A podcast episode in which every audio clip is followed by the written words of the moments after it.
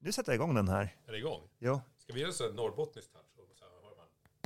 Det där kommer jag inte Öppna klippa bort snuslocket. Nu öppnade Magnus snuslocket Och stoppar och in. programmet startar. Vi säger att det är lös också. Ingen portion. Det är lösnus, vi, vi får ljuga för Det mikrofonerna. får- Och nu ligger den in under läppen. Och du vet att det där kommer jag inte klippa bort? Bara Kommer för låta den vara kvar? Ja, snusdoslocksöppningsljudet Ja, är ett visst. måste. Ja, men, Det här är en från Anna också. Nej, Lite svagare. en liten alla, svagare. alla, alla Melon. klickljud under hela podden kommer ju kopplat till snusdosor.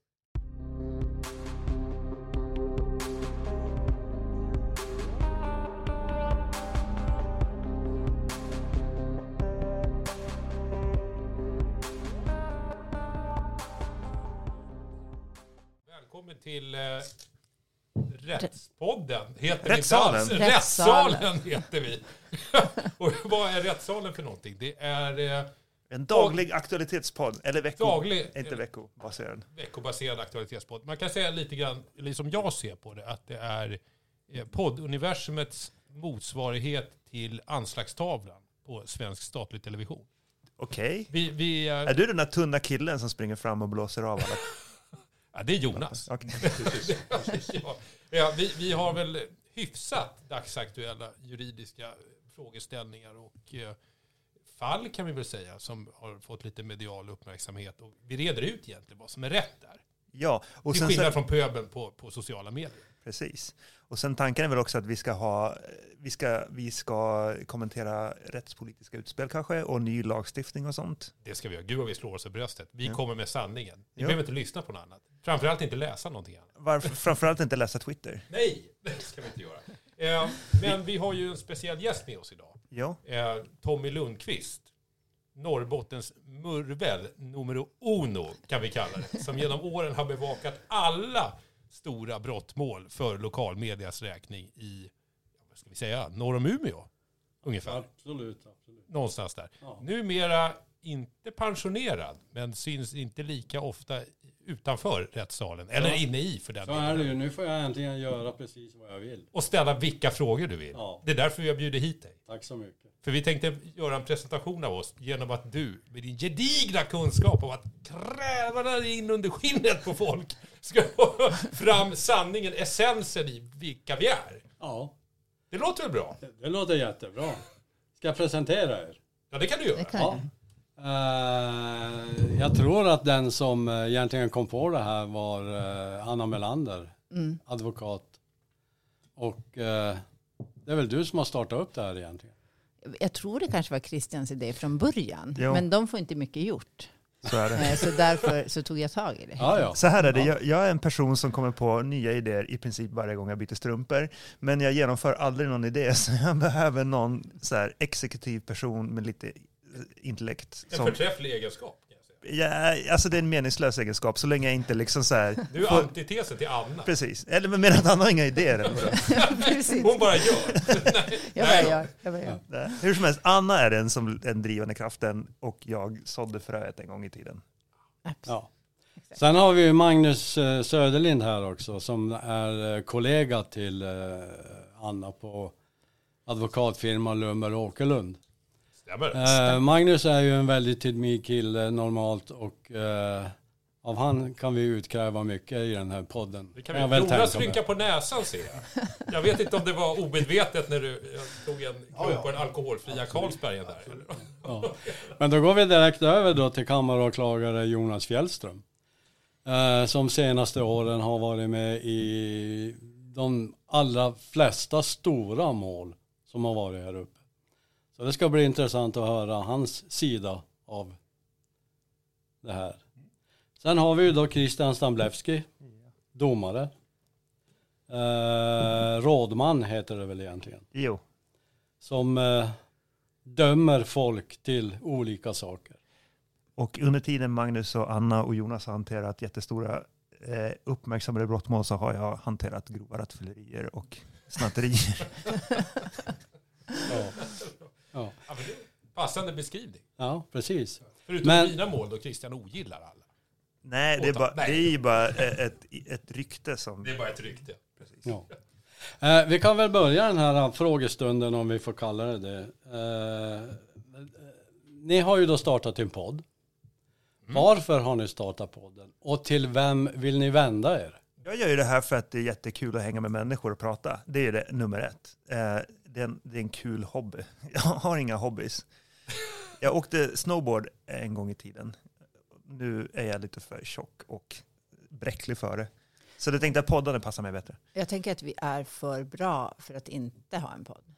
Så att vi måste ha en podd. ja. Vad skönt att du lägger ribban rätt lågt, Mm. Anna. Sen kan jag för säga att min tanke är att våran publik ska inte vara andra jurister, utan Nej. publiken ska vara människor som är intresserade av vår verksamhet. Eh, inte nödvändigtvis jurister, men om jurister vill lyssna på det så är det ju välkommet också. Men Mm. huvudsakliga publiken bör ju vara eh, allmänheten som intresserar sig vad som händer bakom kulisserna i rättsväsendet och rättssalarna. Och sen tänkte vi Mm. också att det blir lite unikt också i och med att vi har alla parter i rättssalen i, i brottmålsförhandlingar. Åklagare, advokater och, och domaren. Ja, det tror jag Ja. inte det finns någon annan podd som Nej. har faktiskt. Så då kan vi alla syn på, på saken.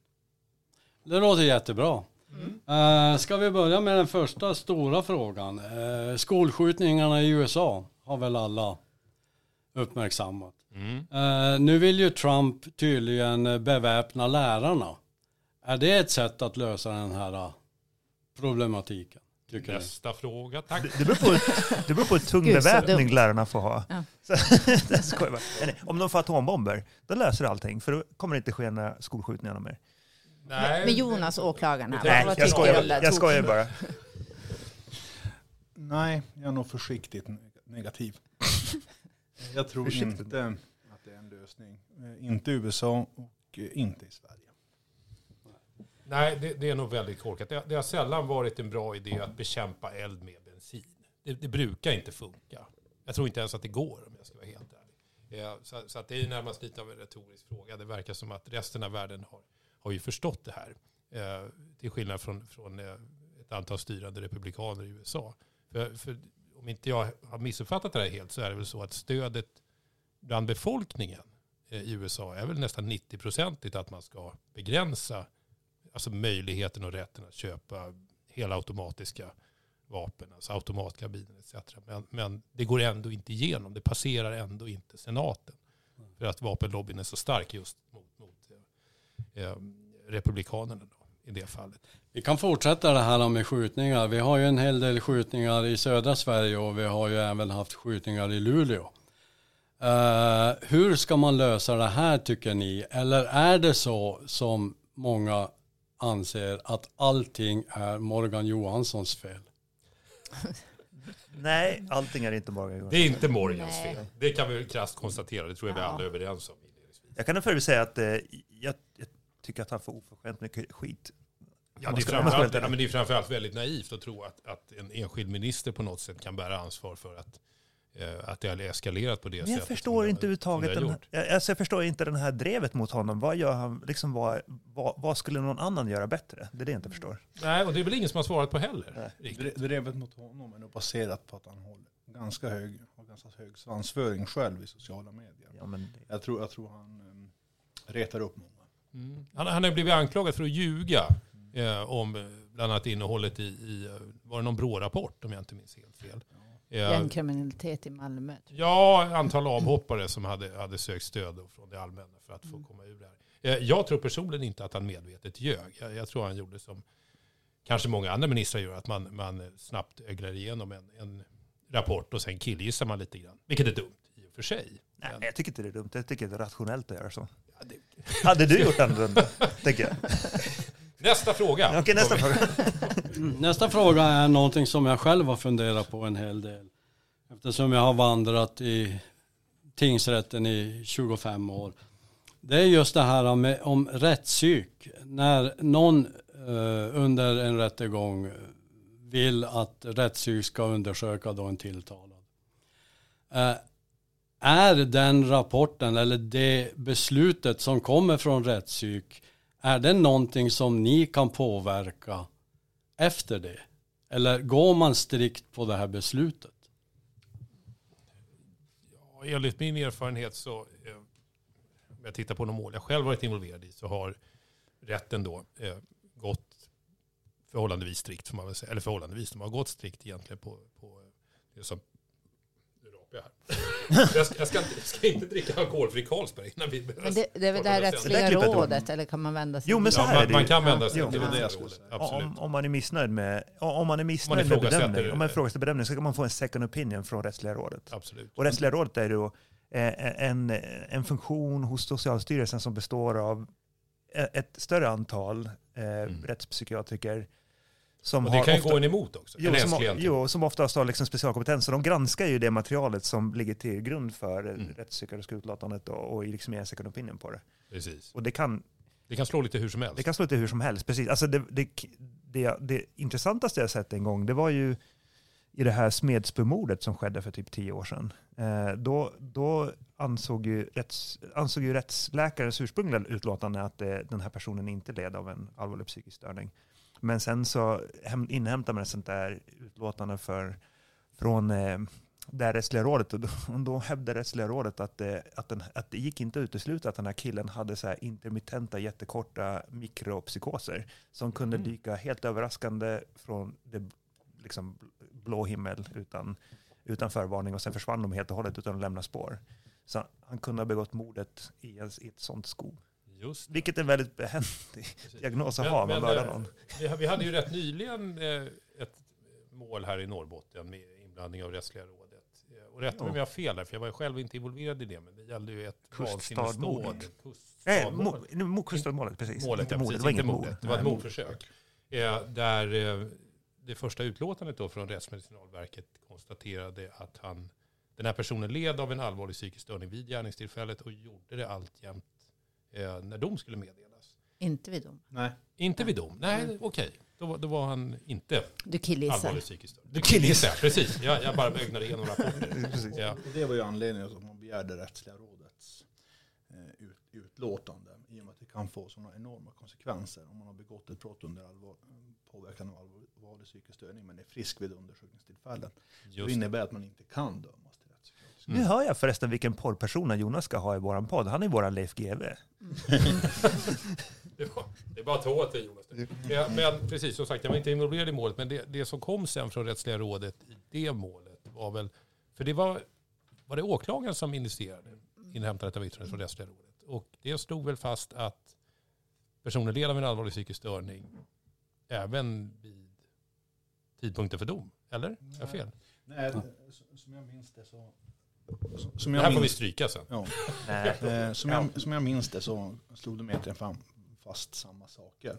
Och det, det var ju därför han dömdes till fängelse. Fast de gick väl lite längre. Eh, Nämnd, uttalade sig de inte om närmast uppsåtsfrågan från Rättsliga rådet i sitt yttrande? Att han eh, inte var medveten om Ja, vad han gjorde vid, Något- något vid gärningstillfället. Till skillnad från vad Rättsmedicinalverket hade, hade ja, konstaterat eller fastslagit. I alla fall det som är intressant eh, är ju, som inte alla tänker på, det är att det här rättsliga rådets yttrande och eh, det ursprungliga rättspsykiatriska utlåtandet, Mm. det är ju två jämbördiga dokument. Så att när man sen som domare ska titta på det så blir det, lite- om de säger mot varandra, då gäller det liksom så här, alltså om den ena säger det är bu och den andra säger bä, då, då gäller det som domare att försöka så här, vilken ska vi gå på då? Och ja, det får man ju som, Borde det inte Vad gör du då? Häfta lite? Nej, jag, jag, jag ser inte hur jag brukar göra, men li- det är lite så här, det, det finns en liten så här tendens i domstol att alltid gå på den som har högst och finast titel. Ja. Så då är ju rättsliga rådets utlåtande då det som övertrumfar, för att typiskt sett så sitter professorer och massa sådana där. Och man kan nog utgå från att om, om låt säga Christian går på det första yttrandet så kommer hovrätten att gå på rättsliga rådet. Ja. Det är, Jag, det, jag tror att det är där man oftast landar. Att man går på rättsliga rådet eftersom de har högre meriter anser man. det är samma sak när man har sakkunniga i mål så, och de två olika sakkunniga säger mot varandra. Då går man ju alltid på den som har bäst CV, Mm. typ. Eller den Om som man har är flest världens antal bästa sakkunniga. rättsläkare. Det ser man ju i tvistemål Precis, ibland, Att det ja. blir nästan kapplöpning. Ja. Vem har flest sakkunniga? Så här, ja, jag har fem, han har bara tre. Ja, men då vinner vi. Ja, precis. Det är som att samla på Pokémons. Ja, men lite grann. Ja. Vad bra, nu är vi ju inne i rättssalen så då fortsätter vi där. Eh, och eh, frågan är, behöver vi nämndemän? Vi har haft ett, nej vi har inte släppt det avsnittet. Nej, Vi har pratat till ett vi hade, avsnitt. vi hade gjort Ja, ett avsnitt som Det lyssnade på behöver vi. Eh, De flesta, kanske till och med alla, men de flesta i alla fall västländer har lekmannainflytande i den dömande verksamheten. Det finns ingen anledning att vi i Sverige inte ska ha det. Däremot kan jag, kan jag hålla med om att det finns ingen anledning att ha det i högsta domstolen. Det har vi inte heller. Nej, det jag menar. Nej, det, det finns ingen anledning att ha det i den högsta instansen. Jag kan, jag kan tänka sig också att man kan, det, man kan om man vill vara lite intressant ställa frågan ba, bakvänt. Behöver vi yrkesdomare? Eh, för, för att egentligen är det så här att det är yrkesdomarna som är, en, är, är anomalin i systemet. Eh, för att det är ju så här att vi har haft nämndemän i Sverige ända sedan för medeltid i princip. Eh, och vi har haft ett nämndemannasystem i princip med 12 till 3 nämndemän eh, Mm. i alla, alla år. Och sen, sen så har ju yrkesdomarna tillkommit allt eftersom. Eh, så. Okej. Så, att, så att eh, egentligen är det ju så att eh, nämndemannasystemet är det som är vår liksom, ursprungliga rättssystem. Och, och sen så är yrkesdomarna något som ett, ett nytt fenomen som kom på 1800-talet, 1700-talet någon gång där. Mm. Så, så att nämndemännen skulle kunna ställa frågan, behöver vi verkligen en yrkesdomare? Men, men eh, förespråkare för nämndemän, jag säger inte att jag inte är det, men, men motivet till varför, om vi tar dig Jonas först, här, varför tycker du att det behövs? Jag skulle egentligen vilja ställa tvärtom. Frågan tvärtom, varför ska vi avskaffa det? Men jag ska ändå svara på frågan. Eh, Jag tror att det behövs för, för um, legitimitet, allmänhetens legitimitet. Eh, Eller att, att, domstolens legitimitet i allmänhetens ögon. Det ökar också in, allmänhetens in, insyn i den dömande, insyn och förståelsen i den dömande verksamheten. Mm. och därför, däremot to- tycker jag också att, att nämndemannainflytandet, precis som vi har det i Sverige, ska minska i och med att man går upp i instans, instansordningen. Mm. Eh, Att de är färre i hovrätten och att vi som sagt saknar dem i högsta domstolen. Mm.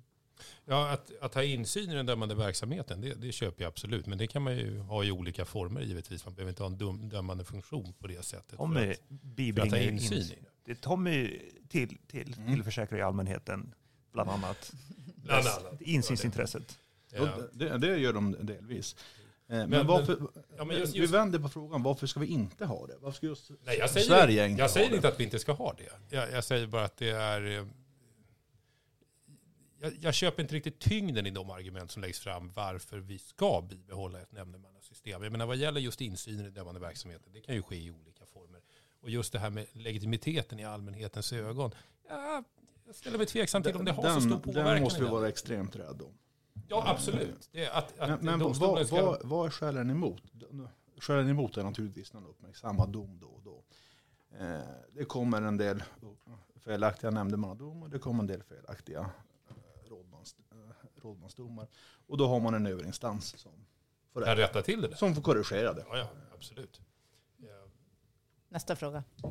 Tillbaka till rättssalen. Behöver vi pläderingar då? Och hur viktigt är plädering? Och eh, hur mycket eh, värde sätter du då Christian på en plädering? Vad bra att jag fick svar på frågan, för att jag håller på att kräks på pläderingar. De är så fruktansvärt långtråkiga, värdelösa och meningslösa. Från åklagarens sida, den där vill höra är så här, åklagarens påföljdsförslag. Eh, från försvarets sida så vill jag inte höra någonting egentligen. Men alltså det, det är så här, det är så små piruetter man gör liksom inför rätten bara för att ha något att säga och se retoriskt skicklig ut. Men det har ju som ingen saklig påverkan överhuvudtaget på saken. Alltså, nu, nu överdriver jag lite grann och liksom polemiserar. Jag skulle säga så här, i, i, om man har ett stort omfattande mål som det här Notviken-mordet som Jonas precis har avslutat på i hovrätten. I ett sådant mål så har ju pläderingen ett ganska stort syfte för att det är ju ett mål som pågår under en månad kanske ibland eh, och, och, och eh, då är det ju ganska bra att någon sammanfattar allting åt en när man sitter där och ska avgöra allting. Men när man suttit i typ eh, två timmar och lyssnat på ett krogslagsmål, då kommer man ihåg exakt allt vad som har sagts under förhandlingen. Man behöver inte säga det en gång till och man behöver inte sammanfatta någonting. Och jag, jag är bildad nog att fatta alla problem i målet. Men, men, men där har vi också ett problem och det är ju hur parterna alltför ofta lägger upp sina pläderingar. Just som du är inne på, berättar vad, vad vittnen och parter har sagt. Det är ju fullkomligt ointressant. Det är ju inte det vi ska plädera. Ja. Vad de har sagt och sitta och upprepa det där. Utan givetvis förklara för rätten hur man ska värdera det som har sagts. Sen kan jag säga så här, att det finns vissa, som har lagts fram. jag måste bara påpeka att det finns vissa advokater, bland annat en viss advokat, Magnus Söderlind, som, som brukar plädera eh, vä- väldigt eh, retoriskt skickligt och då blir det väldigt underhållande och roligt att lyssna Och på. väldigt långdraget. Nu Nej. rådnar jag här. Nej men alltså då blir, det plötsligt, då blir det plötsligt intressant att lyssna på det. Det finns många advokater, Anna gör det också. Eh, det finns andra advokater också som är riktigt duktiga på det och då blir det kul att lyssna på det. Men liksom Och bara... det, är- och det är ju roligt att vi har ett underhållsvärde. Men jag tror att vi alla är rätt samstämmiga med att målen vinns ju inte i plädering. Nej. Utan det, det är ju faktiskt i förhören ofta med, med parterna då som, som ska höras. Däremot, Som målet finns. jag kan tänka mig särskilt som gissar Och i sakframställan. som advokat är, är det viktigt även för, är det till viss mån för, för klienten kan jag tänka mig ibland. För att förklara så att han, han eller hon, ja alltid han nästan, eh, får, ser att, eh, att, att, att försvararen och rätten har förstått vad man, hur man menar att man ser på saken. Mm. Och har man, finns det ett målsägande och inget målsägandebiträde finns ju ett värde även från, i åklagarens plädering att man förklarar hur man själv har sett på det i lite enklare termer. Ja, jo, det, men det är klart att det finns ett, ett visst mått av, av klientvård i det. Eller klientvård givetvis, att man ser till att klientens inställning faktiskt ventileras och går fram på rätt sätt till rätten. Men, men återigen som sagt, det, det är ju, om, om man ska ställa det ena mot det andra, sakframställan och plädering, så är det ju givetvis i sakframställan man kan det är väl fel att säga skada åtalet eller göra skada. Jag menar på att vi för fram saker i dess rätta ljus givetvis. Så att det blir så korrekt dom som möjligt. Eftersom vi alltid har rätt i det vi säger från försvararsidan. Mm, exakt. Eh, Jag förstår att ni, eller ni borde bli ganska känslomässigt eh, inblandad i vissa mål beroende på vad det är för mål. Hur bearbetar ni sådana saker? Har ni någon debriefing eller, eller något liknande? Nej. Jag tänker mest på ja, kanske sexualmål, Mm. Nej, barnporr. det har vi inte. Inte på Nej. det sättet. Ja, och, Prata med kollegor. och, och det gör ju också lite grann till, om, om, pratar jag på här, men, men om man tar advokatrollen i, i mål så, så är det på sätt och vis världens ensammaste arbete. Vi kan ju, vi får ju egentligen knappt bolla ens med, med kollegor eh, vad vi bevittnar vad vi ser och vad vi får veta framförallt i, i våra mål. Det, det stannar ju hos oss. Vi kan definitivt inte gå hem och bearbeta det här med till exempel sin partner och sitta på kvällen och ventilera och känna ett behov av att prata. Eller behov kan man ju känna men man får ju inte göra det. Så att eh, det får man bära med sig och hantera på bästa sätt själv. För oss är det så. Det finns ju folk som livnär sig på det här och eh, som åklagare finns en ganska god möjlighet att om man vill. Eh, jag har personligen i, vissa, efter vissa mål eh, gått och, fått professionell handledning som det kallas. Eh, och det rör sig framförallt om väldigt grova barnpornografibrott. Vi har ett ställe som heter Bishops Arms. De, de har ett rätt brett sortiment av, av eh, skotskt malt. Med viss procent alltid. Ja.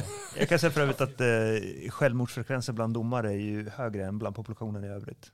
Jag har hört att det är bland präster också. Jo. Nej, Mm. men, men jag kan för övrigt säga att jag, det är egentligen bara barnpornografibrott som jag berörs av. Annars så är det bara kliniskt för mig. Alltså det är ett jobb. Jag, jag, känner mig som en kirurg. Alltså jag gör jobbet, putsar av verktygen, Jag lägger trodde du skulle undan säga dem. präst. Inkvisition. Nej, jag tänkte snarare att man, liksom, så här, man, man är klinisk, går hem. Men, men just barnpornografibrott är ju, är ju extremt jobbigt jag kan säga för att man kan se bilder och grejer man inte vill se. Där har ju vi som advokater friheten att välja bort den typen. Ja, Vi behöver inte ta de det. aldrig. Eh, Däremot måste man vara försiktig. För, för även om man inte tror att man påverkas så kan man i vissa fall påverkas undermedvetet. Och det, därför kan det vara bra att börja med handledning i, i tid. Så man inte har för stor skada. Nej, för att jag kan, väl- ni har ju barn allihop här och eh, det måste ju vara oerhört svårt att gå hem utan att få ventilera det någonstans. Till och med vi journalister har ju en viss debriefing när vi har varit ute på trafikolyckor och, och sådana här saker. Och det är oerhört värdefullt. Vi släpper aldrig hem någon som vi ser har börjat slira så att säga. Men en annan intressant fråga som kommer från min kompis Anders. Eh, han säger att uh, han har upplevt att ni många gånger kan vara väldigt oense när ni sitter i, i, i rättssalen så att säga. Och sen direkt efter i en paus så kan ni stå och småfnissa och prata med varandra. Hur ska det vara så? Undrar Anders. Ja, jag betvivlar i och för sig inte eh, din kompis Anders eh, iakttagelseförmågor eh, av vad han har sett och inte sett i eh, ja, domstolens foyer.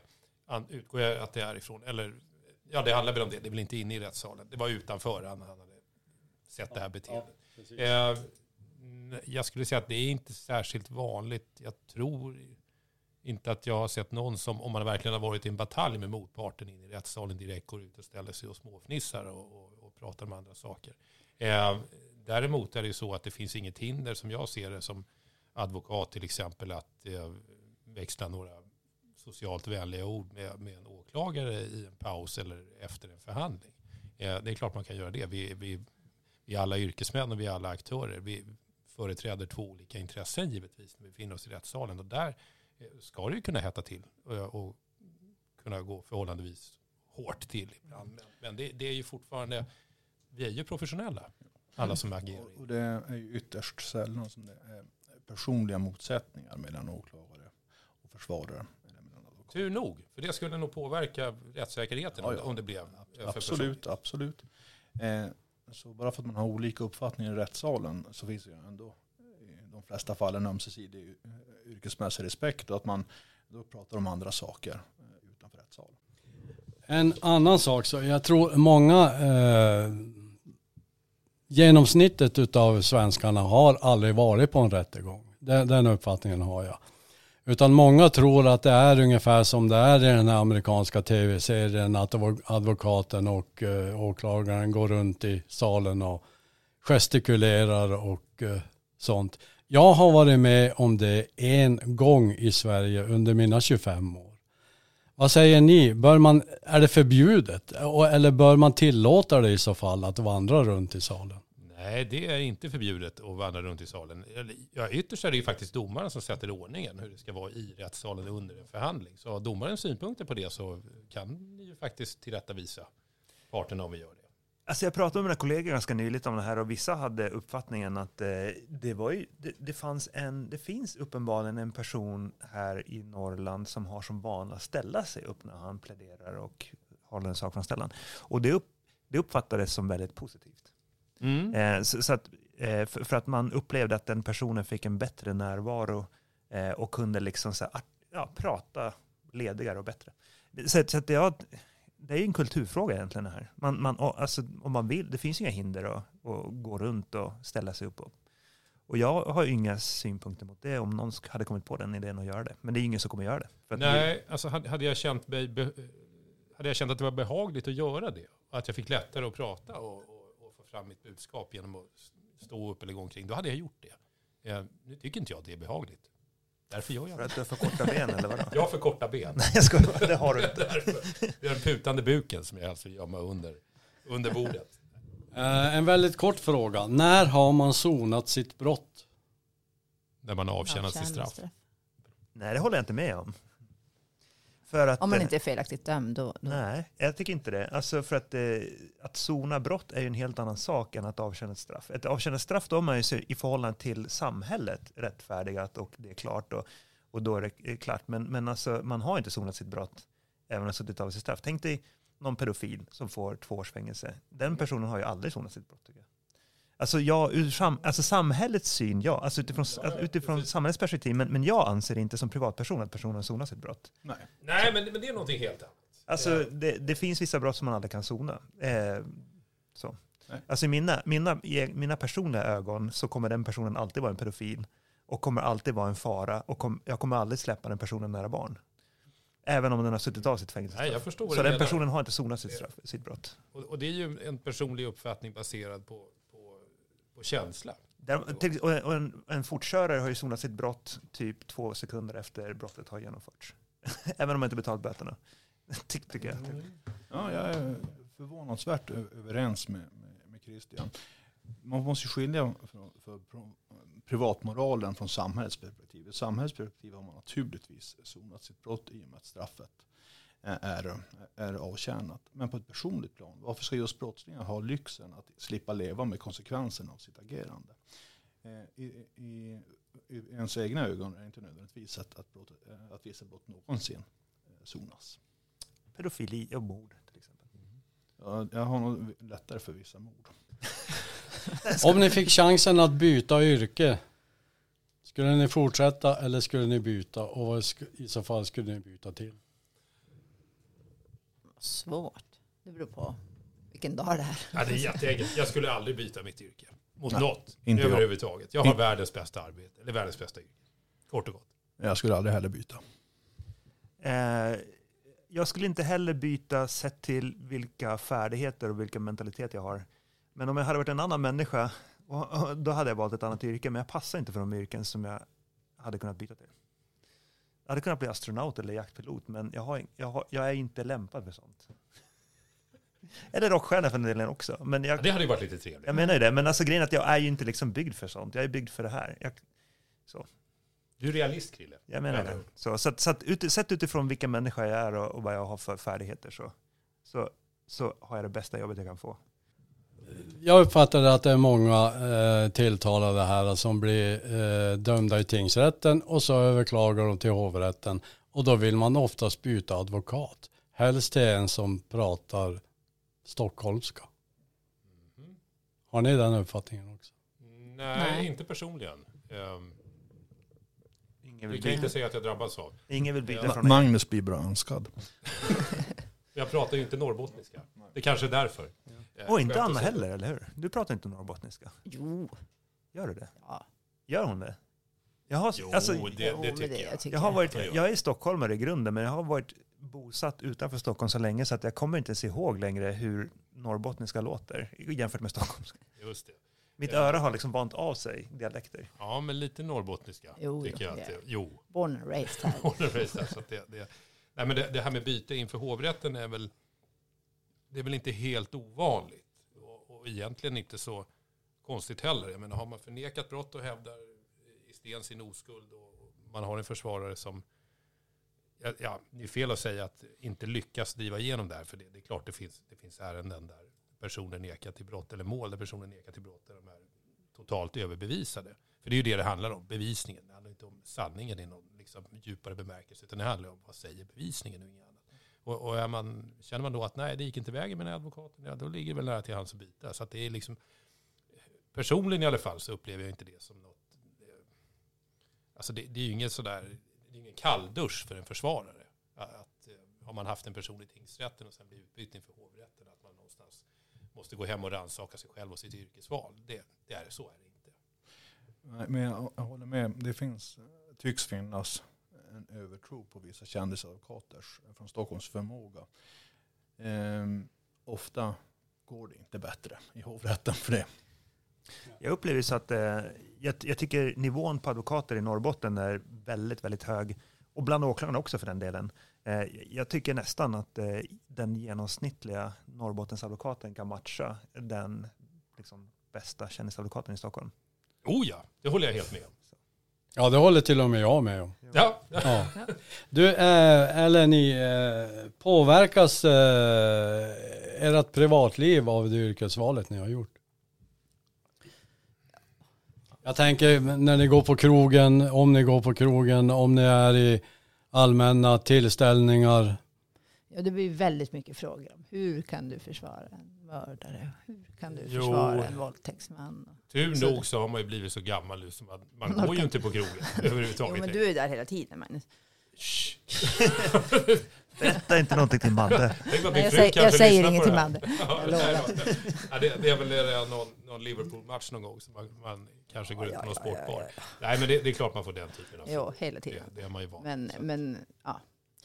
Eh, För åklagare har man inte riktigt det eh, problemet som advokater har. Däremot så tror jag nog de flesta åklagare mer tänker på hur man uppför sig. Eh, att man får inte bli, vill inte bli för brusad eh, när man är offentligt, ute offentligt. Och så finns det naturligtvis alltid en, en hotbild.